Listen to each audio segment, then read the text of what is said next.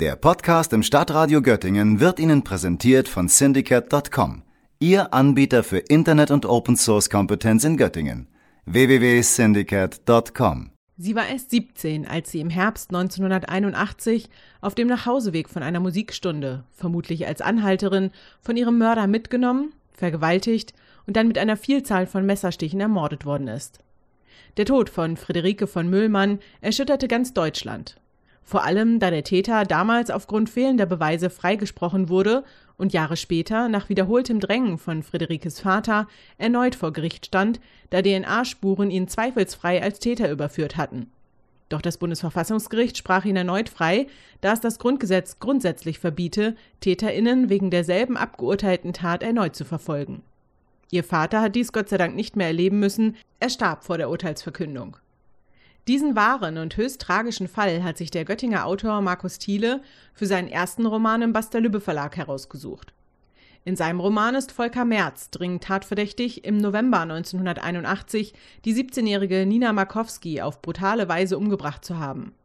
Die Spuren am Tatort belasteten den heute 72-Jährigen schwer, doch die Beweise reichten nicht für einen Schuldspruch.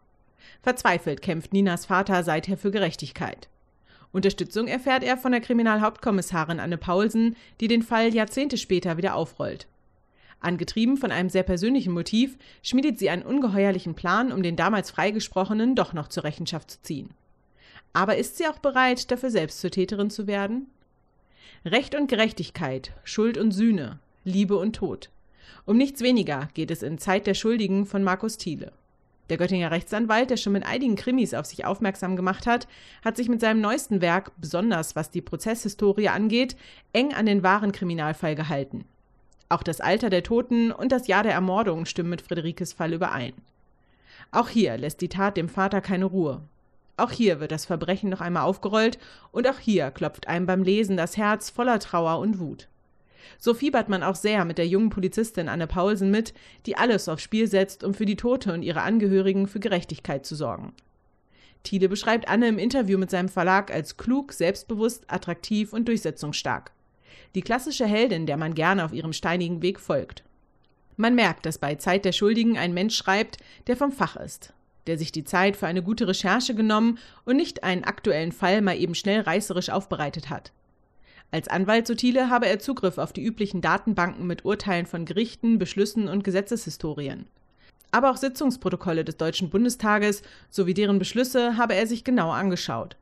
Zusammen mit seiner lockeren Schreibweise und den Ausflügen in die Vergangenheit, wo man mit Nina die Zeit vor ihrer Ermordung hautnah miterlebt und wie sehr sie ihrem damaligen älteren Freund Volker vertraut hat, kreiert er ein unterhaltsames Leseerlebnis, das einen von der ersten Seite an mitreißt.